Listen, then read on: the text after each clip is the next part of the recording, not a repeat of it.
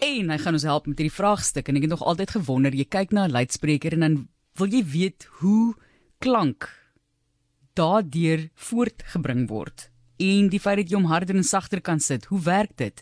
in ons insetsel op Vrydag. Hoe maak jy dit? Professor Gert-Jan van Rooyen is saam met ons op die lyn en dis nou wie een van daai CV's, massiewe CV's wat ons nog baie gaan deurdraf vir die inter interessanthede waarby hy betrokke is. Hy's 'n elektroniese ingenieur wat fokus op tegnologie innovasie tans voltyds aan die stuur van Fanfire.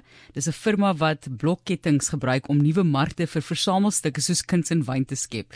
Ook 'n spesialis in syne en kommunikasietegnologie en is verbonde aan die Universiteit van Stellenbosch as buitengewone media professor in bedryfsingenieurswese. Baie welkom prof. Baie baie dankie. Dit is lekker om by julle te wees. Dit is omtrent 'n mond vol. So is is dit die tipe van goed wat jy ingedink het toe jy kind was voordat jy nog gaan studeer het hoe werk 'n luidspreker? Wanneer het jy vir die eerste keer uitgevind jy weet presies ja. hoe werk 'n luidspreker?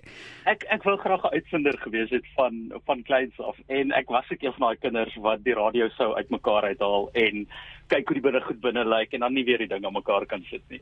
So ja, ek ek het al van kleins af gewonder hoe werk hierdie goed. En het jy al wat het jy al uitgevind so voordat ons kom by hoe werk dit? Waarskynlik die die belangrikste ding was so 'n paar jaar terug, seker omtrent 'n dekade terug by die universiteit het ons 'n manier uitgevind om die blokketting te gebruik om roofkyk van media te te voorkom en en op te spoor. En ons het dit gekommersialiseer en 'n 'n besigheid daai uitgebou. So dis dis waarskynlik die enigste uitvinding waarmee ek wel so klein bietjie geld kon gemaak het. Ja, dis baie interessant. Jy moet maar nog vir ons verduidelik hoe werk 'n blokketting ook, blockchain soos wat dit in Engels ja, bekend staan, né? Nee, niemand weet nie hoor. ja, dit is ek sê nou net vir mense, ek dink ons moet eendag 'n tyd iemand kry om net weer te verduidelik hoe werk 'n rekenaar 1010. Asseblief vir ons daarmee 'n bietjie help. Maar kom ons gesels dan oor 'n luidspreker. Jy weet die verskillende tipes ook en is my fascinerend as jy dink aan kwaliteit. En ek ken mense wat vreeslik vreeslik lief is vir daardie as 'n stokperdjie daardie rigting en hierdie fantastiese luidsprekers wat jy gekry het vroeër jare en hoe die tegnologie ook verander het oor jare. So, kom ons begin by die basiese asseblief. Ja, dis net mens mens dit is goed dat jy elke dag rondom jou sien in die lewe en ons ons dink baie keer nie oor oor hoe die goed werk nie.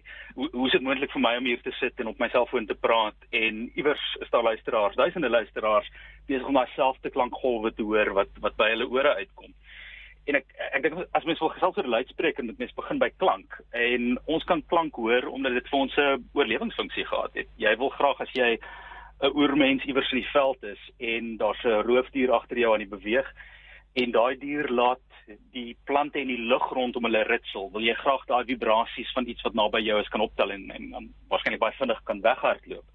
So ons en baie ander diere het die vermoë om vibrasies van klank te hoor want dit dit help ons om die wêreld rondom ons te navigeer.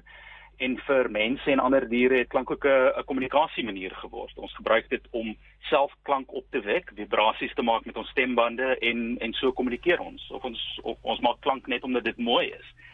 En as ons klank wil opwek of 'n instrument wil gebruik om klank op te wek, dan moet ons iets laat vibreer op 'n of ander manier. So dink aan dink aan een van daai groot Chinese gongs wat as jy die klank opwek, slaan jy hom met 'n hamer en hy maak boem, hy vibreer vir 'n lang ruk daarna. En 'n 'n luidspreker werk op dieselfde manier. Ons wil een of ander elektriese sein vat en ons wil daai elektriese sein gebruik om die die drom van 'n luidspreker te laat te laat vibreer. Nou, as jy enigiets wil laat beweeg met elektrisiteit, dan gaan jy gewoonlik magnete gebruik. As jy 'n motor, elektriese motor oopmaak, is daar magnete binne-in as jy dink aan daai ou tydse deurklokkies wat so ding dong maak as jy die knoppie indruk en laat los, dis 'n magneet wat dit laat gebeur. En 'n luidspreker werk ook uh ook met magnete aan die binnekant. Ek ek weet nie hoeveel jy van jou uh, uh hoërskool wetenskap onthou nie, maar mens kry permanente magnete. wat is lastig met 'n magneet rondgespeel? Man, een en nou moet ek mooi dink. Ek het nie enkele magneet op die yskas sover ek kan onthou nie. nie. Nie eers dit nie. Nee. Net jy werk seker elke dag daarmee en weet dit nie of hoe? Ja, ag magnete is oral rondom ons. Wie as jy nou een op die yskas het, uh, sal jy dalk weet dat magnete twee kante en as jy twee magnete bymekaar hou en jy dieselfde pole wat wys na mekaar, dan stoot hulle mekaar weg. En as jy hulle omdraai en die teenoorgestelde pole van die permanente magneet wys na mekaar, dan trek dit hom aan. So magnete het ingeboude manier wat hulle nader of weg wil beweeg van mekaar. En ons kan ook magnete maak met elektrisiteit. As jy 'n spyker sou vat en 'n draadjie daar rondom sou wen en dan daai twee punte van die draadjie aan 'n battery sou koppel, dan word dit ook 'n magneet met 'n noord en 'n suidpool. As jy die battery se rigting omdraai, dan draai die noord en die suidpool ook om. En so kan jy 'n uh, permanente magneet permanente magneet partykeer laat aantrek en partykeer laat afstoot van hierdie tydelike elektromagneet af. En dis wat ons in 'n luidspreker ge uh, gebruik. As jy nou dink aan die aan 'n prentjie van 'n luidspreker, daai luidspreker emoji met so 'n uh, blokke geskuif aan die agterkant en dan 'n keel aan die voorkant. Die skuif aan die agterkant is 'n permanente magneet wat heeltyd daar sit. En voor hom aan die voorkant van daai keel is daar 'n drom gespan, amper soos daai Chinese gong wat nou gaan vibreer om 'n klank te maak. En in die middel van daai van daai drom is daar 'n spiraaltjie elektriese draad wat koppel aan die aan die intree van die van die luidspreker. En as ons nou partykeer stroom in die een rigting deurstuur deur daai spiraaltjie en partykeer in die ander rigting, sal die drom van die van die luidspreker partykeer aangetrek word na die magneet wat daar agter sit en partykeer weggestoot word. En as ons dan baie vinnig daai stroom heen en weer laat beweeg, ehm um, dan gaan daai drom van die uh van die luidspreker al hoe vinniger heen en weer vibreer. Dit stamp lugmolekules om ook te begin vibreer. Dit skep hierdie golf van vibrasie wat op die ouene uitkom by jou oor en dis wat die klank skep wat by jou oor uitkom. Fascinerend. So as jy dit weer wil luister want ek gaan dit ook weer moet luister. Ek gaan kyk op RSG se bot gooi later vir die program.